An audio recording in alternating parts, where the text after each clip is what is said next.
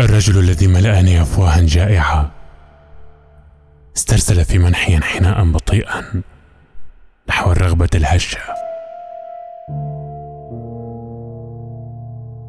سجل الأطباء في تقرير موتي امرأة جافة وعشرات الأفواه على شكل جروح.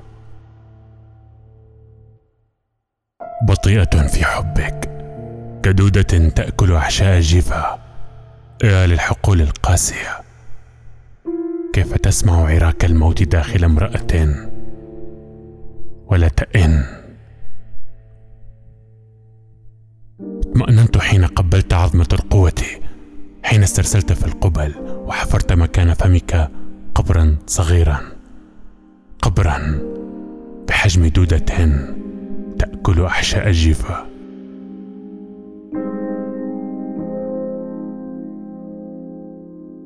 لا أملك لا أملك سوى صقل الجروح في طريقي. الجروح ليست أفواها مفتوحة ليست أفواه. إنها أثر ليلة طويلة من ممارسة الحب القاسي.